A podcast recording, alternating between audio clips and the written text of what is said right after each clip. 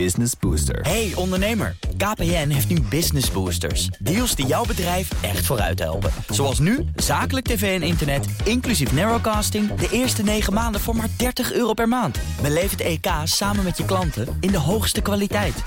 Kijk op kpn.com slash businessbooster. Business Booster. Welkom bij deel 2 van de Cryptocast nummer 264. Dit is het podcastdeel. Uh, in het eerste deel, deel A, hebben we het gehad over het laatste crypto-nieuws. En nu gaan we het hebben over DAO's, Decentralized Autonomous Organization, de juridische aspecten daarvan, met Willem-Jan Smits. Welkom. Dankjewel. Advocaat, medeoprichter van Watson Law. En mijn co-host is Jacob Boersma, blockchain-expert, oprichter van WB Node. Hoi. Hi. Goed, voor we beginnen, het volgende. Decentraal is het toverwoord van deze CryptoCast. Daar gaat het vandaag dan vooral over. En uh, vooral in de wereld van Ethereum. Als het over Bitcoin gaat, is decentralisatie natuurlijk ook essentieel. En onze sponsor Bitonic stimuleert al meer dan tien jaar dat je je Bitcoin zelf beheert. En het niet laat staan bij een centrale partij die gehackt kan worden, kan frauderen of failliet kan gaan.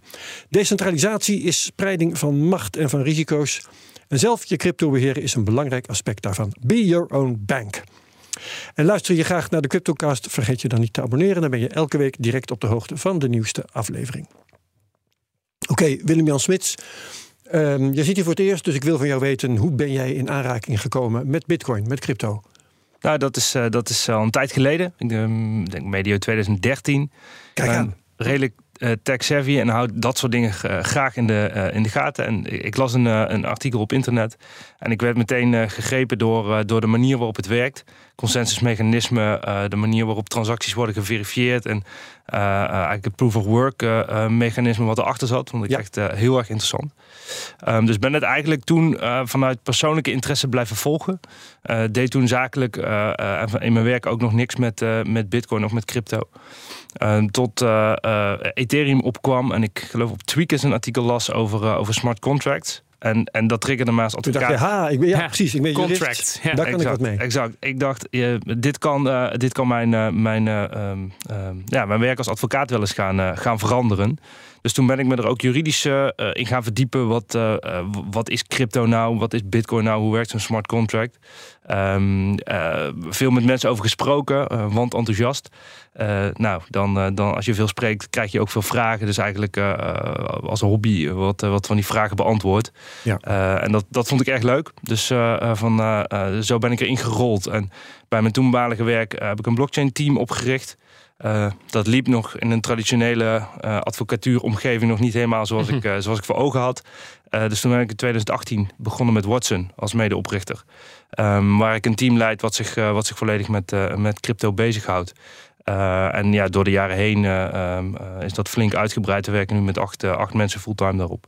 Ja. Dus, uh, uh, en het viel nu op komen. dat op de website van Watson Law, daar gaat het na één alinea al over crypto. Dus is, is het hele bureau gespecialiseerd, het hele bedrijf gespecialiseerd in crypto of alleen maar een deel? Nou, alleen maar een deel. Wij doen okay. ook traditionele advocatuur, uh, ja. ondernemingsrecht, herstructurering. Ik ben zelf ook nog curator en faillissement, dus dat doe ik ook. Um, maar een belangrijke focus van, van, van ons bedrijf is inderdaad gericht op, op bitcoin en crypto. Ja. ja. Oké, okay. um, goed. Nou, we gaan het hebben over DAO's. En ja, om te beginnen moeten we dat maar eens even gaan definiëren. Hè? Want een Decentralized Autonomous Organization, ja, je kunt je er alles bij voorstellen. Maar is het ook ergens vastgelegd wat dat precies is? De, de, de, het is niet ergens uh, vastgelegd. Het is, een, het is een term, het is niet een juridische term. Maar wat je erbij moet voorstellen is, zoals de naam al zegt, een, een decentrale Or, een organisatievorm die decentraal wordt geleid. Ja. Dus niet zoals we traditioneel kennen met een bestuur en, en uh, een, een, algemene vergadering van aandeelhouders. Uh, maar een, een, een, meer, minder hiërarchisch en uh, plattere organisatie. Die ook nog eens de, de besluiten die worden genomen door die, door die organisatie automatisch uitvoert. Door middel van smart contracts. Dat is hoe ik het percipieer.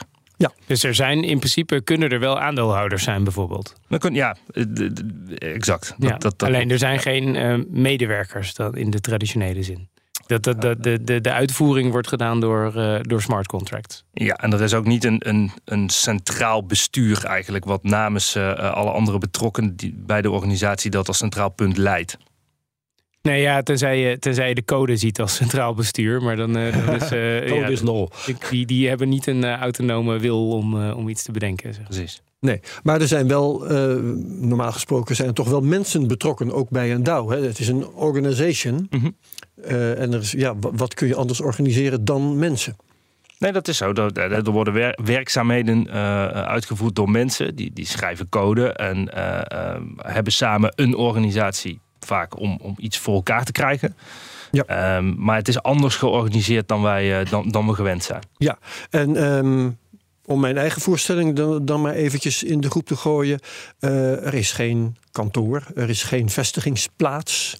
Uh, moet je aan dat soort dingen inderdaad denken uh, om het bijzondere van een DAO te, te, te, pakken? Ik denk dat dat, dat, dat inderdaad uh, uitingsvormen ervan zijn. Um, de, de, essentie ervan is, de, is in, mijn, in mijn optiek dat het een organisatie is die, die online gedistribueerd door mensen ja. eigenlijk haar werkzaamheden ja, heeft. En in veel gevallen internationaal waarschijnlijk ook Zeker, een keertje. Ja, ja. ja geen, geen land van vestiging ook. Okay. De, maar de mate Jacob. van decentralisatie kan natuurlijk best wel verschillen. De, de, de, het, ja. het, lastige van, van een DAO is net als met heel veel van dit soort termen, ook uh, al, uh, zelfs de term blockchain zelf. Uh, ja, je, je, hebt best wel een breed spectrum van, uh, van dingen die, daar, die je daaronder kunt laten vallen. Ja, uh, laten we het hebben, want, want uh, op deze manier blijft het misschien toch nog een beetje in de lucht hangen. Wat, wat zijn nou voorbeelden van DAO's die we zouden kunnen kennen? Mm -hmm. In ieder geval waarvan je kunt zeggen, dit is een DAO en dat doet die. Ja, en, en ik denk een heel sprekend voorbeeld van, da, van DAO is een, is een decentralized exchange. Um, Ja. Dus, dus hè, waar, waar mensen on-chain uh, de ene crypto asset kunnen, kunnen wisselen voor de andere crypto asset. En waarbij de transactie peer-to-peer plaatsvindt uh, en volledig wordt gesetteld door het protocol. Oké, dus je maakt niet uh, uh, geld over naar, of coins over naar een, een, bedrijf, de exchange, maar het gaat ja, via iets wat je online benadert, gaat het van de, direct van de koper naar de verkoper. Exact. Ja. En de, organisa- de activiteit van de DAO is dan eigenlijk gewoon puur de matching van, van kopers en verkopers aan elkaar. Ja, het, het, het, het, het, het uitvoeren van die transactie, zonder, Ja. dat, zonder dat daar een, een centrale partij tussen zit. Ja, Ja. precies. En ook zonder dat er een, een, een mens zeg maar, een besluit overneemt. Ja. Behalve de, de twee mensen die aan weerszijden van de transactie Ja, zitten. daar zijn natuurlijk wel mensen bij betrokken, want iemand heeft die code geschreven. Ehm, in veel gevallen zijn er ook eh, mechanismen om die code te updaten. Eh, en, en dan daar, daar zie je ehm, een heel spectrum van hoe decentraal zo'n organisatie Ja. kan zijn. Ja, ja. Ja. want ehm, nou goed, ik, ik neem aan eventjes, maar dat, dat leg ik je toch even voor om te checken. Eh, het gaat dan vanuit eh, eh, zelfbeheerde wallets en non-custodial wallets van Absoluut. de koper en de verkoper, dat soort dingen. Dus dat gaat niet bij, naar een account bij een exchange. Dat is er, dat is er dus niet. Ehm, maar ehm, is er dan wel een, een website of een app? Want je moet ergens heen online. Ja, er is er, uiteraard. Er moet een aangrijppunt ergens Precies. zijn. Ehm, dat aangrijppunt kan heel technisch een, een smart contract zijn waar je een, een transactie naartoe stuurt. Eh, en, eh, en een andere partij dat van datzelfde smart contract gebruik maakt. Maar in bijna alle gevallen is er sprake van, van een, een eh, wat gebruiksvriendelijke user interface. Dus een website. Ja. Of een app. Ja, Ja. Maar meestal een website. Daar komen we straks ongetwijfeld nog over te praten. Ehm, maar eh, nou wil ik eigenlijk weten, wat, wat zijn hiervan de voordelen? Ik vroeg het in, de, in ons radiodeel, vroeg ik het eigenlijk ook al een beetje. Maar nu kunnen we er rustiger en uitgebreider over praten. Waarom zou je kiezen voor de vorm van een DAO en niet bijvoorbeeld nou, voor een, eh, voor een eh, gecentraliseerde exchange? Mhm. Nou, een voordeel van, van zo'n type DAO waar we het nu over hebben, een decentralized exchange, is dat die transacties echt peer-to-peer plaatsvinden. Dus het voordeel van, vanuit het perspectief. Minder risico voor de deelnemers? Vanuit het perspectief van de klant is dat Ja. er geen tegenpartijrisico is. Dus Ja, er is ja, niet precies. een risico dat het handelsplatform failliet gaat en ik als klant mijn, mijn eh, crypto assets kwijt. Ja, want er is geen derde geldenrekening waar het geld tijdelijk op staat. Het is rechtstreeks van de een naar de ander. Precies. Ehm, er, er is ook. ehm, er is meer transparantie, want, Ja. want dat smart contract is te zien. Dus, dus de ja, kans. de code die kun je gewoon Ja, dus de krijgen. regels, je- de, regels die, ja, de regels die worden, eh, worden gehanteerd, die zijn in principe gewoon eh, 100% duidelijk en, en transparant. Ja. Ja. Ehm, je moet natuurlijk die regels wel kunnen lezen. Eh, dat is vrij Ja, ja, technisch, ja. maar goed. Ja. Dat, dat is wel een, een voordeel daarbij. En, en de Maar als je dat niet kunt, hè, zoals al vaker wordt gezegd, dan kun je er vaak van op aan dat een ander het wel gedaan zal hebben. Dat soort dingen. open source principe, ja. Ehm, En die transactie die wordt automatisch uitgevoerd. Dus het voordeel is dat, dat het efficiënter is. Er zijn geen, geen, geen handelingen uh, nog van nodig waarbij uh, administratief aan matching wordt gedaan. Die asset gaat gewoon automatisch van, van de ene naar de, naar de andere wallet. Ja, dus er, eigenlijk is er dan ook een maximale efficiëntie ten opzichte van een bedrijf wat, uh, wat, wat mensen in dienst heeft en een, en een kantoorgebouw uh, moet, moet betalen, et cetera. Zou je kunnen verwachten dat voor uh, vergelijkbare diensten bij een DAO ja, de, de marges veel, veel kleiner kunnen zijn? Ja, en, ja, en het is, precies, het is waar de technologie voor bedoeld is. Ja. Um, het haalt de middleman weg. Dit is een schoolvoorbeeld van, van een transactie waarbij de middleman ja. wordt weggehaald. En nu echt, want het is al vaker beloofd. Maar nu echt, ja. ja, er is alleen nog wel een middel DAO. um, er is een middel, middelprotocol. Een, ja. Uh, ja. Oké. En uh, nou goed, het is een organization. We, we, hebben net ook al gezegd, hè, er zijn mensen bij betrokken en dat soort dingen meer. Um, is er nou nog iets als um, op winst gericht zijn? Of wat, wat, wat is het voor organisatie? Als je het dan toch een organisatie noemt, uh, hoe moet je die je verder voorstellen? -hmm. dat, dat kan elke verschijningsvorm hebben. Um, maar zodra er sprake is van van. Nee, dat kan, dat kan alle, alle verschijningsvormen hebben. Uh, als je echt kijkt naar gewoon een, een, een protocol. Uh, dan, dan voert dat transacties uit. Is dat software? En, die hoeft geen winst te maken. Precies. Ja. als er mensen bij betrokken zijn die een winstoogmerk hebben. En, en dat protocol ontwikkelen met mm -hmm. het doel om daar transactiefees op te krijgen of winst mee te maken. Dan kan dat. Ja, maar, maar dan, dan heeft dat middel... wel juridische uh, gevolgen. Ja, ja, ja, maar dat is eigenlijk dus ook weer uh, heel erg vergelijkbaar met, uh, laten we zeggen, de echte wereld. waar je ook een organisatie, je kunt organisaties hebben met winstoogmerk, die mm -hmm. als BV bijvoorbeeld georganiseerd zijn. En je kunt organisaties hebben zonder winstoogmerk, die bijvoorbeeld een stichting of een vereniging zijn. Um, en de, hoe, hoe die in het dagelijkse leven hun, hun activiteiten uitvoeren, daar, daar, daar is misschien wel heel weinig zichtbaar verschil tussen. Het enige is inderdaad van uh, ja, wie ergens aan verdient of niet. Ja, dat is, dat is een goede parallel. Ja. Ja, ja en, en uh, ja, jij maakte net uh, de vergelijking van, uh, of de vergelijking, jij constateerde het is efficiënter, want er is geen middelman nodig. Ja. ja als die er inderdaad werkelijk niet is, dan is het voordeliger voor de klanten. En als er wel een of andere vorm van opwinstgerichtheid is, nou ja, in, in, het, in, het protocol, in, het, protocol, kan natuurlijk ook een, een, een, een, een uh, transactiefee, of, of hoe je het ja. ook uh, noemt, worden ingebakken die, die, die toekomt aan de beheerder van het protocol. Ja. Uh, dat kan ook weer gevormd worden door, door mensen die daarbij betrokken zijn. Dat kan in principe technisch gezien in de vorm van, van wat men dan noemt een DAO zijn. Maar als je kijkt naar het juridische verschil tussen twee van dat soort type organisaties, dan, dan is daar wel uh, een verschil van dag en nacht. Um, omdat als je een, een, een niet updatebaar protocol hebt, wat mm -hmm. gewoon leeft op de blockchain en online te ja. benaderen is, ja. dan zou je dat hè, kunnen zien zoals je het internet ook kan zien. Er is geen aangrijppunt voor de wet of nee, voor, voor de toezichthouder. Precies. Ja. En zodra je een organisatie hebt die, die eigenlijk um, regelt dat een protocol wordt geüpdate, uh, winst heeft. Uh, ja, hoe, hoe je dat dan ook organiseert, ofwel door een BV ofwel door een, een DAO, ja, dan, dan is er in die end voor de, voor de uh, toezichthouder een aangrijppunt ja. om dat te reguleren. Want ja. zo'n dienst, zo'n financiële dienst, is in beginsel gewoon gereguleerd. en door het alleen maar in een DAO alleen maar in een DAO te stoppen, kan je niet uh, um, aan die, uh, aan die uh, regelgeving ontkomen. Nee, die regelgeving blijft van toepassing. Ook al heb, jij, heb jij het als een DAO georganiseerd of op een andere manier. Ja. Ja. ja, want dan is even, even hardop denkend, hè, dan is er een geldstroom.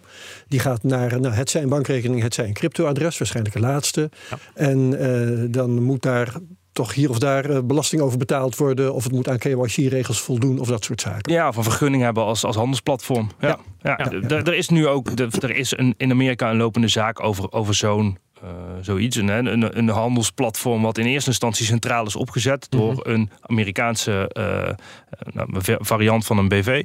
Ja. die vervolgens dat naar eigen zeggen uit handen heeft gegeven aan de community en heeft ondergebracht in een DAO.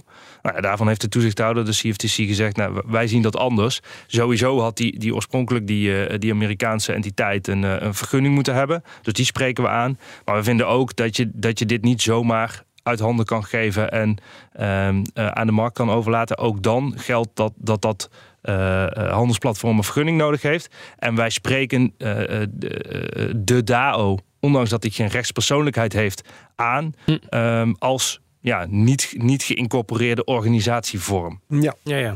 Ja. Maar dat is dan wel interessant dat je dat dus inderdaad wel kunt doen. Want de vraag is dan inderdaad wie je dan uiteindelijk wil gaan aanspreken als je echt uh, uh, mensen tot een bepaalde uh, handeling wil gaan dwingen. Of het, of het stoppen van bepaalde handelingen.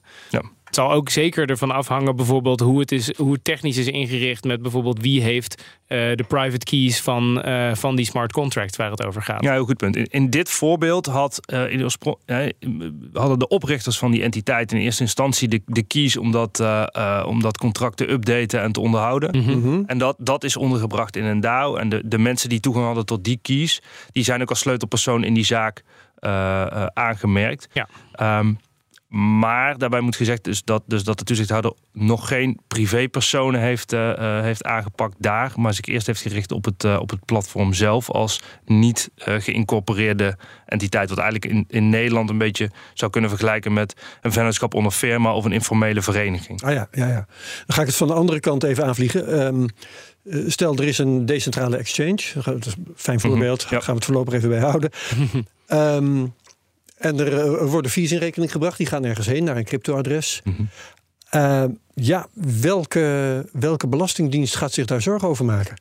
Ja, dat, ik, ik ben een jurist. Uh, belasting, belastingvragen, daar moet je niet, uh, niet, niet bij mij zijn. Dat, daar kan ik alleen maar een slag, erbij. Slag Jij dan misschien, Jacob?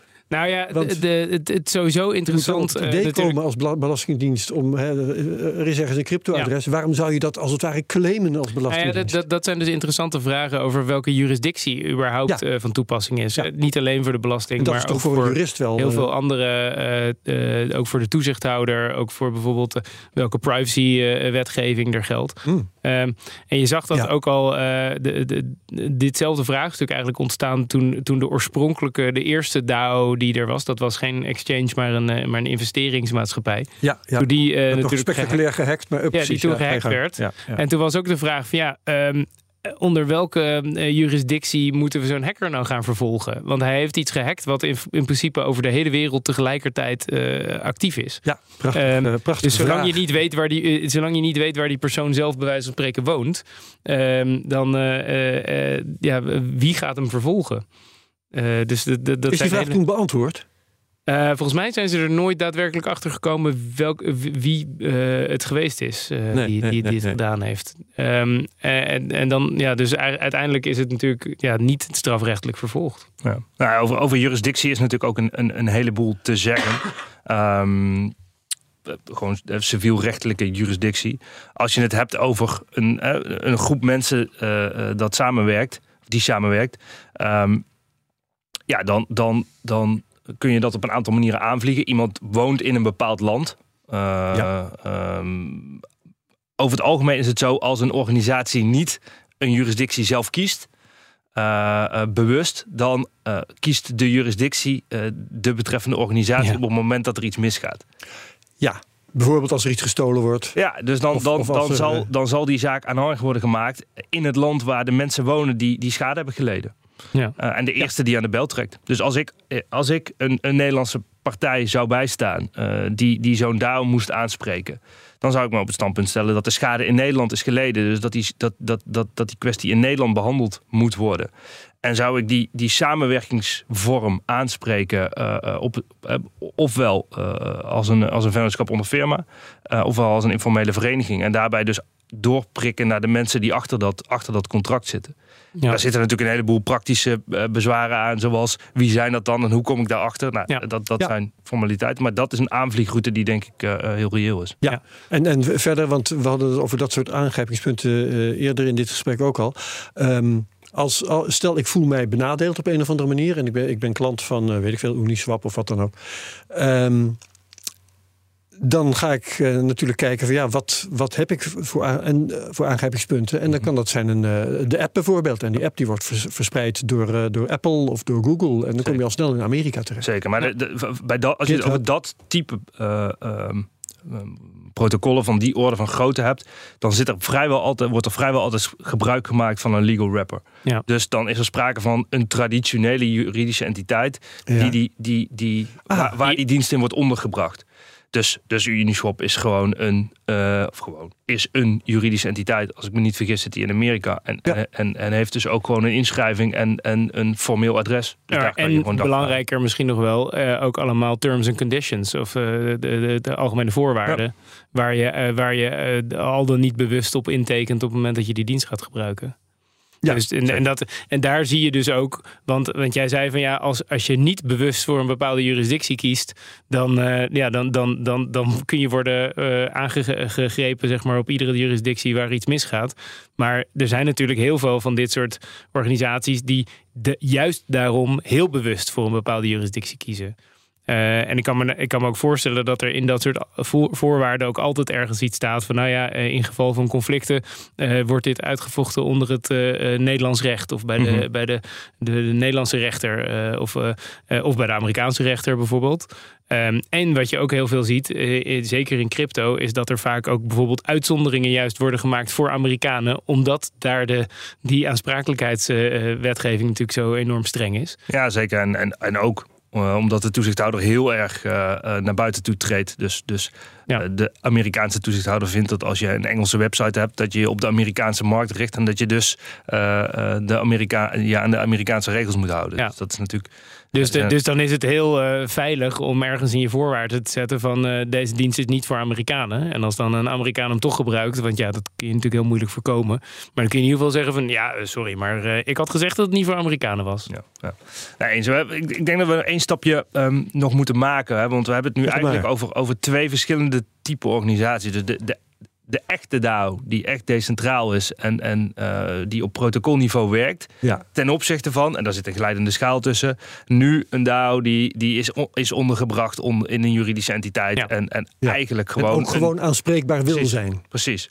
Dus, dus in, die, in, in, die laatste, in dat laatste geval is het juridisch niet zo ingewikkeld. Omdat er gewoon een, een, eh, een Amerikaanse, eh, waarschijnlijk LLC is. Ja. Die zich in Amerika aan de regels moet houden. En als die zich richt op, Europees, op de Europese markt, eh, zich aan de Europese regels moet Ja. houden. Met algemene voorwaarden. Dat, dat is niet heel veel anders Nee. dan Coinbase of, of, ander, mm, of, of een ander bedrijf. Nee, dus juridisch is er een heel duidelijke entiteit. En toevallig maakt hij technisch gebruik van iets wat gedecentraliseerd is. Maar eigenlijk juridisch is hij heel centraal Exact. aanspreekbaar. Ja. En ehm, als het dan gaat om eh, de juridische status, wat is eigenlijk de ju- juridische status van een smart contract? Is dat inderdaad een. We hebben die vraag in de CryptoCast wel eh, eerder gesteld, trouwens, herinner ik me. Maar wat, wat, zeg- wat zeg jij daarvan? Is een smart contract inderdaad een contract met een gewone geldigheid? Of is het bijzonder op een of andere manier? Ehm, er zijn heel veel verschijningsvormen van. Je moet onderscheid maken tussen aan de ene kant een smart contract, wat, wat een technische uitvoering is van, van een afspraak. Uh, aan de andere kant zijn er smart contracts die uh, volledige. Uh, zijn er juridische contracten, wat, wat gewoon normale juridische contracten zijn. En daar zit overlap tussen. Dus er zijn smart contracts denkbaar die, die ook een verschijningsvorm van, van een. Van een juridische overeenkomst zijn. Ja, ja. Dus ik die... zal, je, zal ik je een voorbeeld geven? Toevallig mm -hmm. uh, in het uh, nieuwsdeel, dus uh, 264a zo net, hebben we het gehad over de ex-CTO van Coinbase die een weddenschap wilde afsluiten over een prijs van 1 miljoen dollar voor de bitcoin over drie maanden. Um, ik weet niet of ze het echt gedaan hebben, maar ik, ze, ze, hebben wel besproken, mm -hmm. uh, heb ik gelezen, om dat in de vorm van een smart contract te doen. Stel je ja. doet dat, dus je, je uh, maakt je, je, geld over en je laat een smart contract uitmaken op grond van de data naar wie dat geld straks heen gaat, mm -hmm. ergens in juni of zo. Um, en dan tussen, ergens tussen nu en de afgesproken datum bedenk je je. En dan ga je zeggen, nee, eigenlijk wil ik er onderuit. Mm -hmm. Kun je er dan onderuit, juridisch? Nou, nou dat is denk ik een heel goed voorbeeld van, van een, een smart contract dat, dat een, een aanbod in zich heeft. Ja. Uh, waarbij een partij die op dat aanbod ingaat door uh, te interacteren met dat smart contract, inderdaad een overeen, ook een juridische overeenkomst sluit met, met de tegenpartij. Nou, die, de, de, uh, de afspraken van, uh, van, van die overeenkomst liggen vast in het smart contract. Dus als dat smart contract niet voorziet in de mogelijkheid om onder, die, onder die weddenschap uit te komen, dan, dan kan dat niet. Tenzij er omstandigheden zijn op mhm. basis waarvan je juridisch moet zeggen: uh, deze overeenkomst is te ontbinden. Ja, iets als wanprestatie of... Nou, uh, nee. meer dwaling. Uh, ja, of, of zo, dat die man niet, of, niet toerekeningsvatbaar bleek te zijn op het moment dat hij die afspraak maakte. Ja, ja, ja. ja, Okay, of, of onder dwang, als iemand met een pistool tegen zijn hoofd stond... op het moment dat hij dat geld overmaakte, ja, dan kun je dat ook niet... Precies, dat zijn de schoolvoorbeelden. Ja, ja. Um, ja Jacob noemde net als al, al, het voorbeeld van de eerste DAO die meteen werd gehackt. En dat gaf dan uh, ja, eigenlijk juridische problemen, omdat uh, niemand eigenlijk mm -hmm. wist uh, wie moeten, waar moeten we nu nou bijvoorbeeld aangifte ja. doen en iemand gaan vervolgen, mm -hmm. als we al weten wie het is. Maar wat gaat, wat gaat er nog meer mis bij DAO's? Heb jij interessante voorbeelden?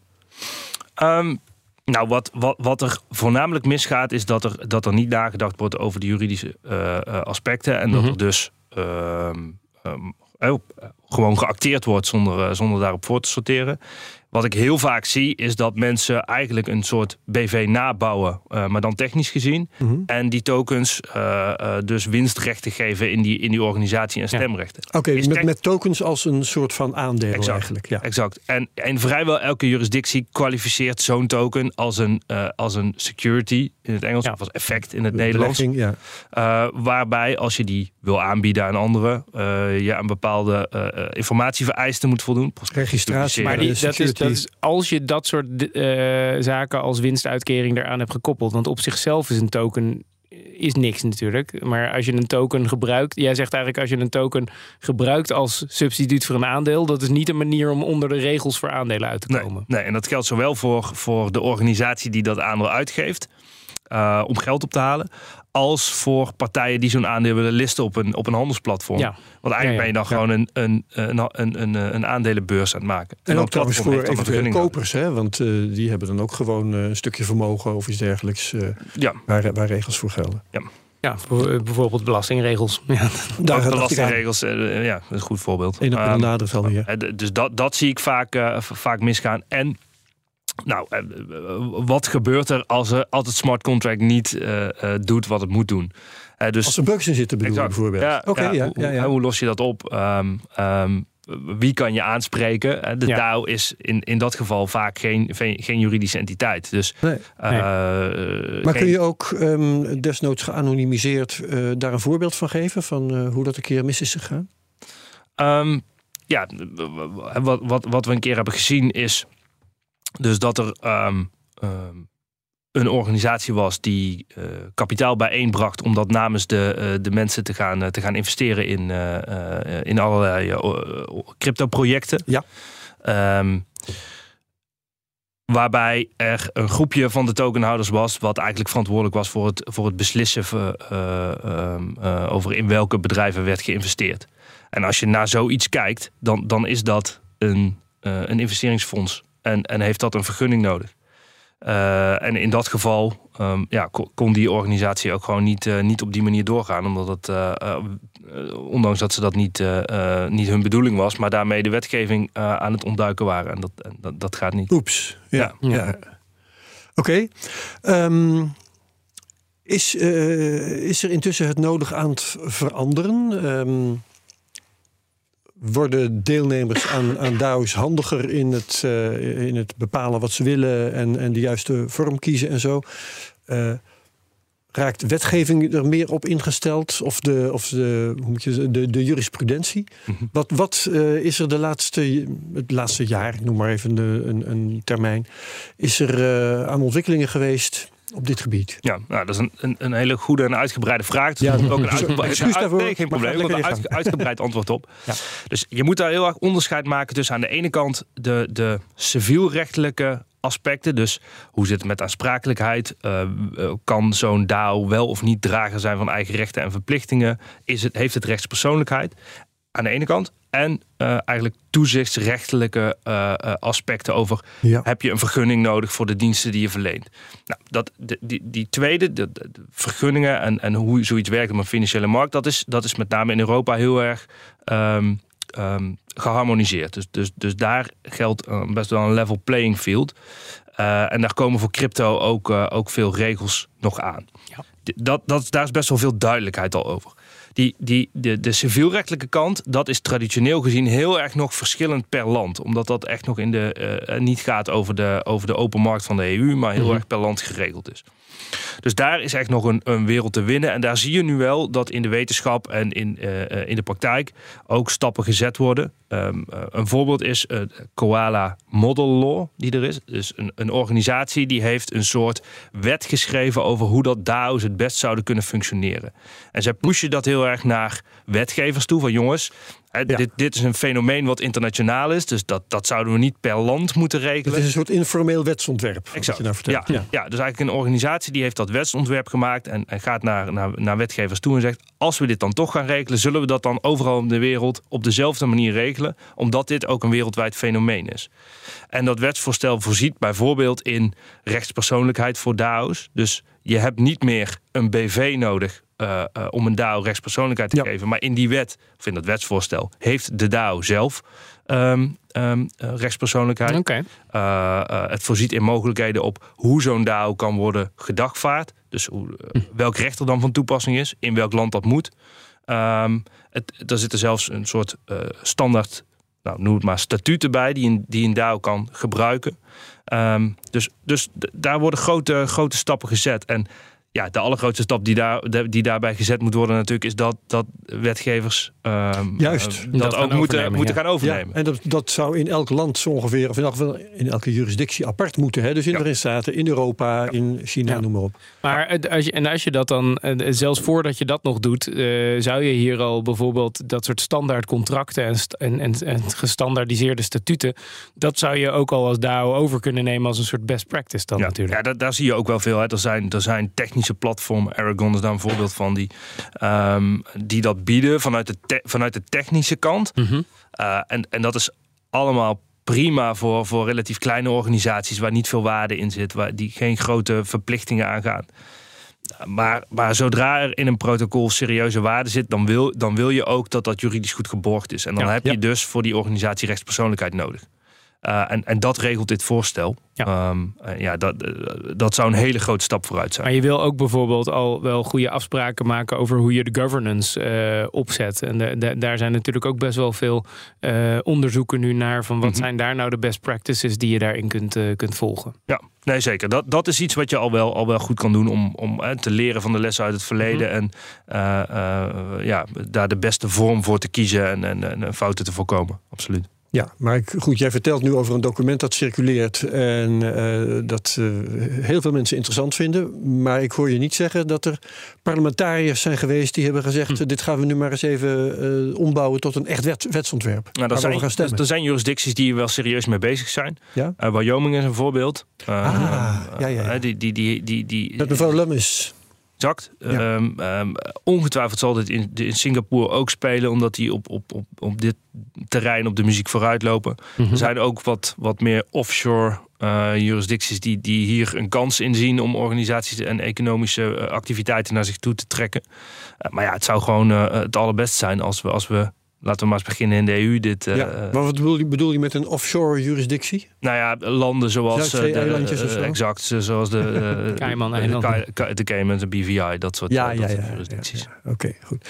Um, nu we het toch over wetsontwerpen hebben. We hebben in Europa allerlei uh, wetgeving die op handen is. Uh, MICAR Mhm. natuurlijk. Mm -hmm. um, gaat uh, MICAR iets, uh, dat is wetgeving die consumenten moet beschermen bijvoorbeeld. Gaat dat iets veranderen voor DAO? Staat daar iets in wat relevant is? Uh, MICAR is nog één stapje eerder. Dus hè, we hebben nu eigenlijk nog geen, nog geen goede wetgeving in de EU voor crypto. Uh, MICAR gaat daar in één keer veranderingen brengen en, en ja. alles reguleren. Uh, maar wel centrale partijen. Dus eigenlijk het eerste, het eerste uh, wat een toezichthouder ziet, hm. uh, wat een wetgever ziet, is in de markt zijn de grote centrale partijen, uh, partijen die tokens uitgeven, et cetera. Dat gaat nu geregeld worden. In MICA staat wel, over twee jaar gaat de Europese Commissie kijken naar ehm, of het nodig is om, om ook decentrale partijen onder MICA te brengen en te reguleren. En dat zal dan komen. Ja, ze moesten ergens een punt zetten om, om met versie 1 te komen. Ja, ja maar Een, een, DAO die, die tokens uitgeeft, en die tokens zijn, representeren een, een, een asset, dat, mhm. dat zou in principe wel onder MICAR dan vallen. Um, ja, die tokenuitgifte. Um, wel even ervan uitgaande dat het gewoon een crypto asset is die in de, in de scope van Mika valt. Ja. Um, dan is de vraag: is die uitgevende partij, is dat een, een, een echte DAO zoals we het hebben, protocol zoals we er eerst van spreken?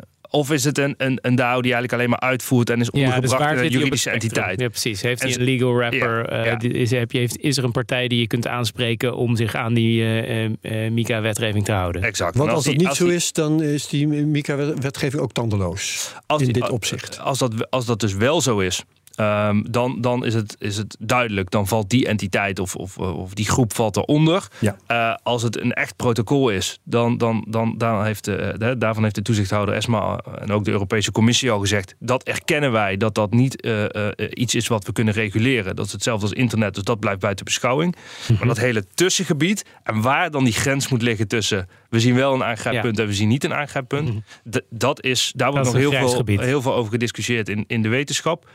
Um, en, en dat is dus ook het onderwerp waar, waar de Europese Commissie nog nader onderzoek naar gaat doen over hoe ze dat gaan inrekenen. Ja, en dat zou dan in MICAR 2 kunnen gaan gebeuren. Oké. Okay. Um, ehm, heel interessant vond ik, um, dat uh, stond in de Bitcoin Alpha deze week. er is op 14 maart door het Europese parlement een, uh, een wetsvoorstel aangenomen, de Data Act. Mm -hmm.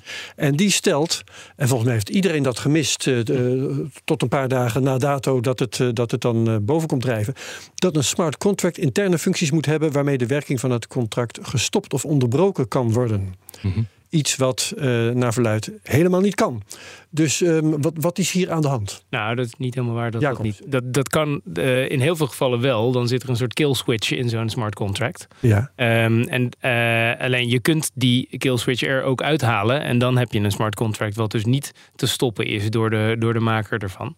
Uh, en eigenlijk uh, wordt in deze wetgeving gezegd van ja, je, je moet altijd zorgen dat je die kill switch erin laat. Oké, dat kan dus wel. Ja, standaard uh, hebben smart contracts in Ethereum hebben dat zelfs standaard als, als okay. Functionaliteit er wel in zitten.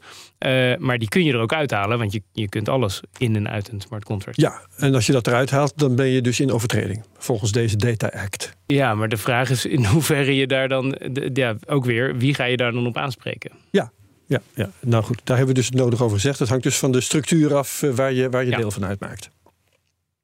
Ja, de, die, die die is, die is heel interessant. Ik, ik, verwacht daar nog wel, wel de nodige pushback op, zoals we ook uh, uh, hebben gezien bij, um, bij Mikar.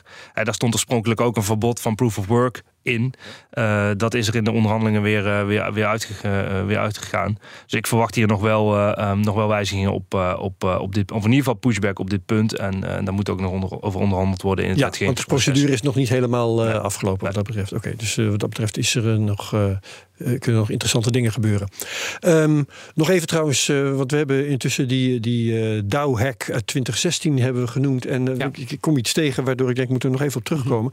Um, want jij zei, Jacob, we wisten destijds niet wie we achterna moesten zitten. Uh, maar we, we weten, wisten we eigenlijk wel wie er benadeeld was. He, want er was een hele hoop crypto verzameld. Ja. Uh, als gevolg van, ik zal zeggen, crowdfunding. Maar van wie was dat? He, wie, was, wie, wie was er nu eigenlijk bestolen? Dat is natuurlijk ook een punt wat opnieuw gedefinieerd moet worden bij zo'n DAO. Nee, zeker, zeker. Omdat die, dat soort organisaties natuurlijk eh, een, een, een ander uh, aspect waardoor ze interessant zijn voor, voor gebruikers, is juist dat je er ook min of meer anoniem gebruik van kunt maken. dus je bent ook niet zo goed gekend als, als klant daarvan, als dat je zou zijn bij, bij een echt investeringsfonds. Ja, en toen is er nog iets interessants gebeurd, namelijk. Um, dat werd genoemd in een stuk dat ik erover las, preemptive stealing. uh, ik begrijp dat, dat uh, een, een, nog slimmere hacker uh, de Ethereum die gevaar liep, uh, is gaan weghalen en gaan wegzetten zodat het niet verder gestolen kon worden. Ja, dus het, was een, het was een doorlopend proces waarbij inderdaad uh, ja. iets werd onttrokken aan dat, aan dat contract. En er was iemand die, die eigenlijk dat proces heeft onderbroken door het naar zichzelf toe te trekken. naar, ik heb begrepen was, met als doel om het, om het weer uit te keren aan de rechtmatige. Ja, dat was een good guy die zei: Ik grijp wel even in. Ja, ja, precies. Ja, dus dus um, doordat je precies ziet hoe zo'n contract werkt, als je eenmaal ziet, oh ja, dat is waar de, de dat is de bug waar iemand nu misbruik van aan het maken is, dan kun je natuurlijk een, een nog betere exploit uh, soms daarop maken, die dat dan weer veilig stelt. Um, maar uiteindelijk ja, is, wordt dat dan een soort wapenwedloop. Maar de, de, de echte manier waarop uiteindelijk iedereen schadeloos is gesteld bij die oorspronkelijke DAO, is dat, er, dat ze gewoon een, een op protocolniveau uh, de, de, de Ethereum, de Ethereum miners toen een, ja, een, een, een, eigenlijk een rewind hebben gedaan. Ja en ook dat is natuurlijk heel controversieel. Uh, ik bedoel, het was wel vanuit de goede bedoelingen. Maar ja, dan ga je dus wel ingrijpen op de, op de immutability van, van die smart contract. Uh, en als je dat hiervoor doet, ja, misschien doe je het een andere keer voor een minder goede reden. Dus uh, het, heeft wel behoorlijk wat haken en ogen om op die manier soort van heel erg brute force een, een hek terug te gaan draaien. Ja, dat heeft ook tot scheiding der geesten geleid. Hè? Ja. Want enfin, de hele Ethereum wereld is toen gesplitst in Ethereum, een Ethereum Classic. Want dat waren de hardliners die zeiden: dit kun je niet maken. Ja, maar als je gaat kijken naar natuurlijk van uh, uh, als mensen stemmen met hun geld, dan is uiteindelijk de, de, de Ethereum die wel dus die aanpassing heeft gedaan, dat is wel natuurlijk de, de verre, verre weg de grootste partij uh, ja. nu nog. Ja. Ja, je achtergrond van, van je vraag was begreep ik meer, meer strafrechtelijk ook. Of, of, of dat nou Um... Ja, nou, we, we, hebben de, de dief niet gevonden. Dus uh, wat strafrecht betreft uh, staan we met lege handen. Maar uh, het is wel interessant um, als je wilt. Als je een, een misdrijf wilt aangeven, mhm. dat je kunt aangeven wie er eigenlijk bestolen is. Ja. En dat, dat punt, ja, daar heb ik eigenlijk nog geen, nog geen duidelijk idee van. Ja. Um, ja, de, de, eigenlijk hoe je dat ziet. En dat, Want als je naar het politiebureau gaat zeggen... ja, het is een, het is een en die zijn geld kwijt. Ja. nou ja, het is, kijk, het is natuurlijk een, een, een, een, goed voorbeeld van, van, van echt een uh, waarde... Dat, dat door gezamenlijke groep mensen in een smart contract is vastgezet. We hebben daar een juridisch uh, um, parallel kun je dat trekken met een, met een gemeenschap... waarbij ook een groep mensen eigenlijk gerechtigd is tot, um, tot, tot, tot, tot een asset. Dat kan van alles zijn, maar dat kan ook waarde in een smart contract zijn. En daarvan zou je kunnen zeggen, die groep uh, uh, als totaal is benadeeld. Dus qua benadelende ja. partij zie ik daar niet zo'n uh, niet zo'n issue. En dat, dat okay, zowel dus, strafrechtelijk als, als civielrechtelijk zou je daar dat, dat als eigenlijk eikpunt kunnen nemen. Ja, de, de vraag is natuurlijk welke regels gelden er um, uh, voor, voor zo'n groep. Want uh, uh, DAO's gaan er soms wel eens vanuit van ja, code is law. Dus wat er in het smart contract staat, dat moet je maar gewoon kunnen lezen. Of je moet iemand inhuren die mhm. het kan lezen. En dat is gewoon hoe het werkt. En daar, daar teken je op in, zeg maar. En als er dus een fout in zit, ja, dan zou je ook kunnen zeggen: ja, dan had je dat maar beter moeten, moeten checken van tevoren voor je je geld erin stopte. Maar ja. dat, is, dat is vanuit een technisch perspectief gezien, code is law. Ik snap helemaal dat, dat, dat dat ook gezegd wordt. Maar vanuit juridisch perspectief ja, is dat gewoon niet het geval. En, en dat zie je als je het um, naar een uiterste toe trekt. We, we hebben de, overal ter wereld gelden basisregels voor, voor, voor uh, samenwerking of afspraken die je mag maken. Dus stel iemand zou een smart contract schrijven uh, waarbij een, een beloning wordt uitgeloofd over, voor iemand die wordt vermoord. Ja. ja dat, dat gaat in tegen de openbare orde. Uh, ja, ja, ja, Zo'n dus, afspraak mag je niet maken. Dus dat betekent dat nou, in, in elke eh, geciviliseerde uh, jurisdictie dat niet een geldig contract zou zijn, ondanks dat het in de code staat. Ja, precies. Dus, dus eh, dingen als consumentenbescherming, die kun je niet uitsluiten uh, in, een, in een gewoon contract en zeker ook dus niet in een, in een smart contract. Absoluut, ja. nou, nog weer eens iets anders. ik richt een DAO op, ik, ik collecteer, doe crowdfunding, heb een hele hoop geld. En het doel van mijn DAO is onroerend goed kopen. Dus nou, dan ga ik een huis kopen of een, uh, of een uh, fabriek, weet ik veel. Uh, kan dat? Um, kan dat of mag dat? Dus, Precies, ja. ja. Nee, ja, dat, het, ja technisch gezien kan dat. Dat is ook een, een business die ik, die ik veel voorbij heb zien komen. Veel ideeën. Maar daar zitten juridisch heel, heel veel haken en ogen aan. Um, het begint eigenlijk al met als je op vaak worden dat soort structuren um, uh, ingericht op zodanige wijze dat een kleine groep mensen bepaalt um, welk huis dan wordt uh, gekocht en hoe dat moet worden mm -hmm. uitgevoerd, et cetera. Dat brengt met zich dat die organisatie kwalificeert als een, een beleggingsfonds en dat de beheerder een vergunning nodig heeft om dat te doen. Dat, dat is één. Twee, die, die, die tokens die in, in, die, in, die, in, die, in dat construct worden uitgegeven, kwalificeren vaak als financiële instrumenten, namelijk deelnemingsrechten in een beleggingsfonds. Mm -hmm. Uh, en zodra je die verhandelbaar wil maken, heb je als handelsplatform daar ook weer een vergunning voor nodig.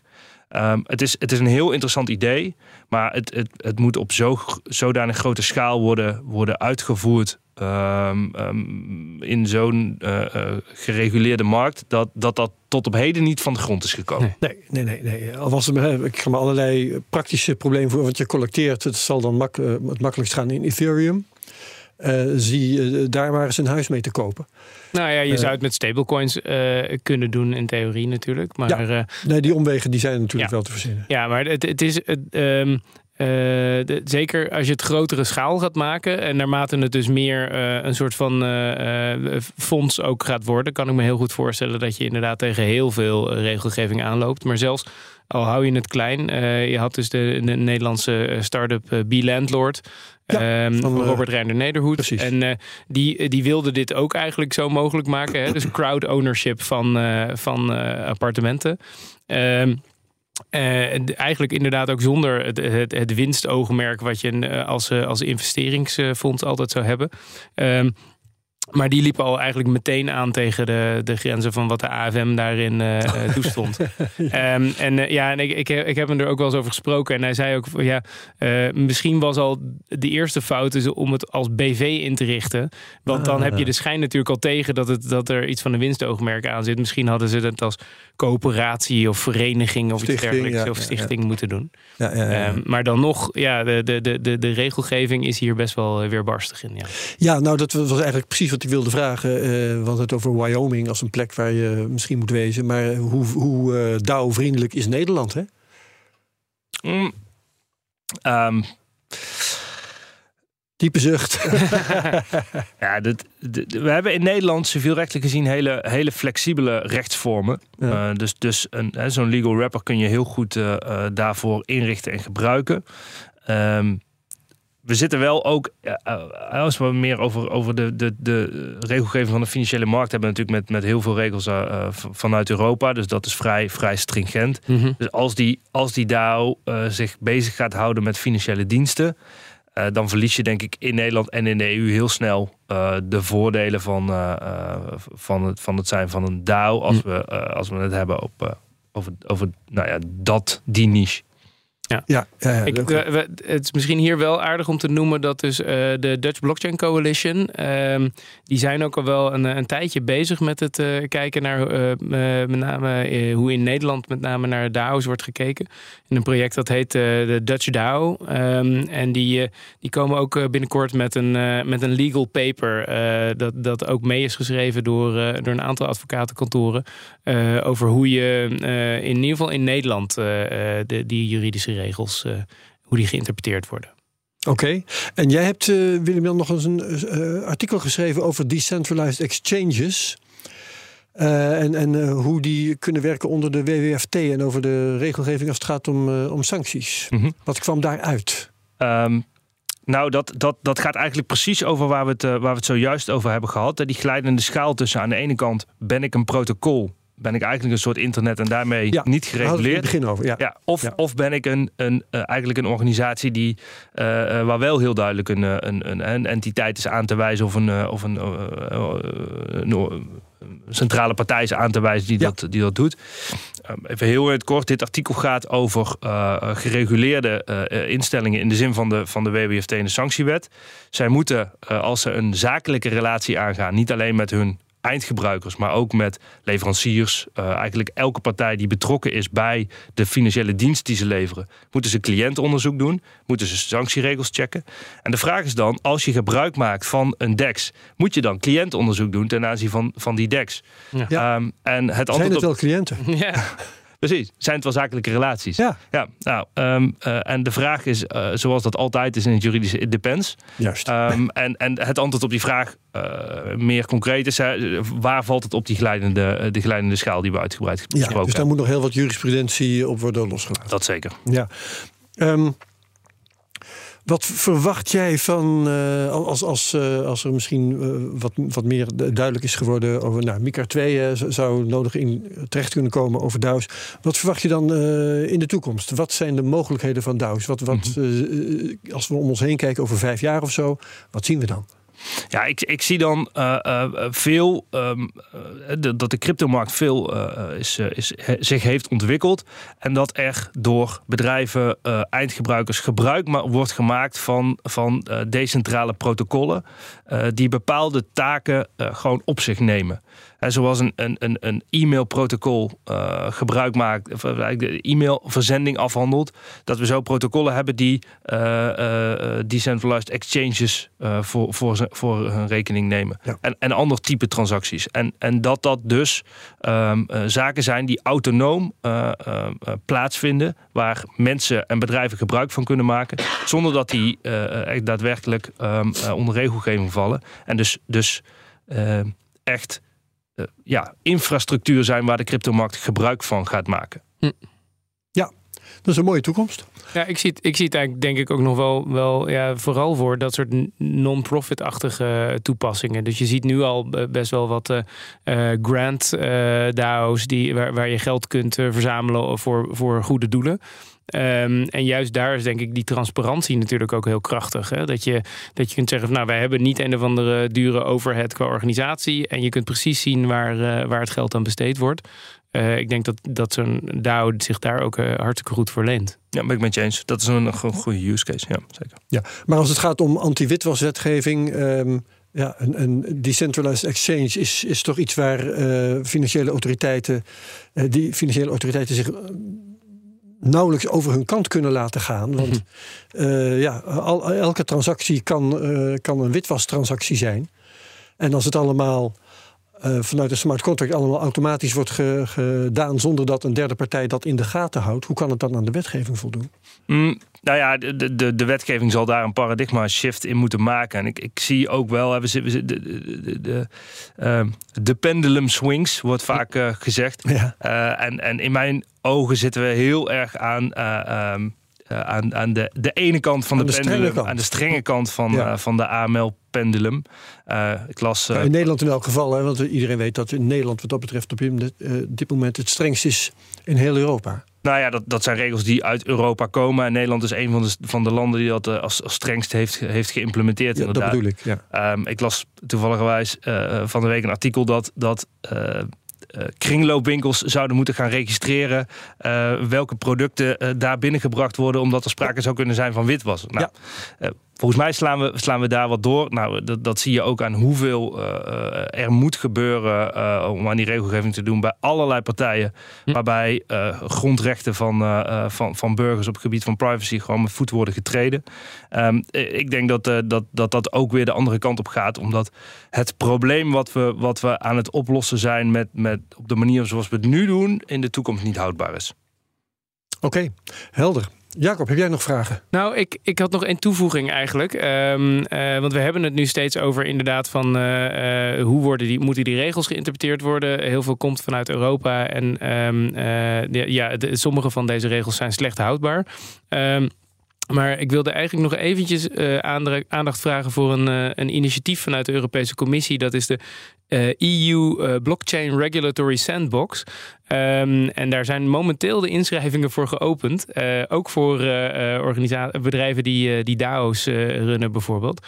en het, het, doel daarvan is om bedrijven te selecteren die dus de, de, dialoog aangaan met al die verschillende toezichthouders die er zijn. Aha. Juist om duidelijkheid te creëren over regels waar nu geen duidelijkheid over is. en iets als, als die anti-witwasregelgeving is daar natuurlijk bij uitstek een, een goede kandidaat voor om daar eens een een goed, goed gesprek met, met de toezichthouders over ja, En hoe, hoe kunnen mensen zich daarbij aanmelden om daar betrokken bij te zijn? nou, er is dus een, een website. als, je, als je googelt op um, EU blockchain. blockchain. Sandbox, dan, dan, dan vind je die website.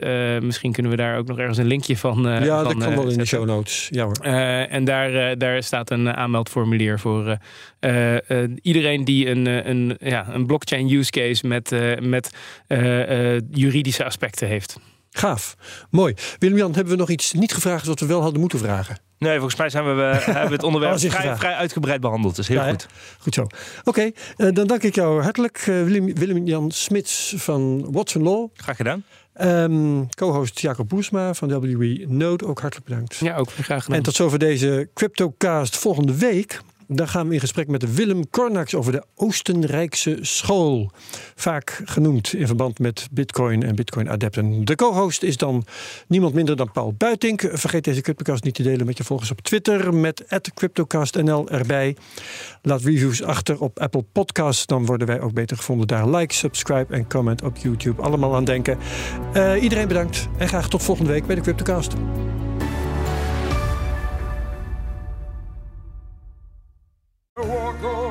Hardlopen, dat is goed voor je. En Nationale Nederlanden helpt je daar graag bij. Bijvoorbeeld met onze digitale NN Running Coach... die antwoord geeft op al je hardloopvragen. Dus, kom ook in beweging. Onze support heb je. Kijk op nn.nl slash hardlopen.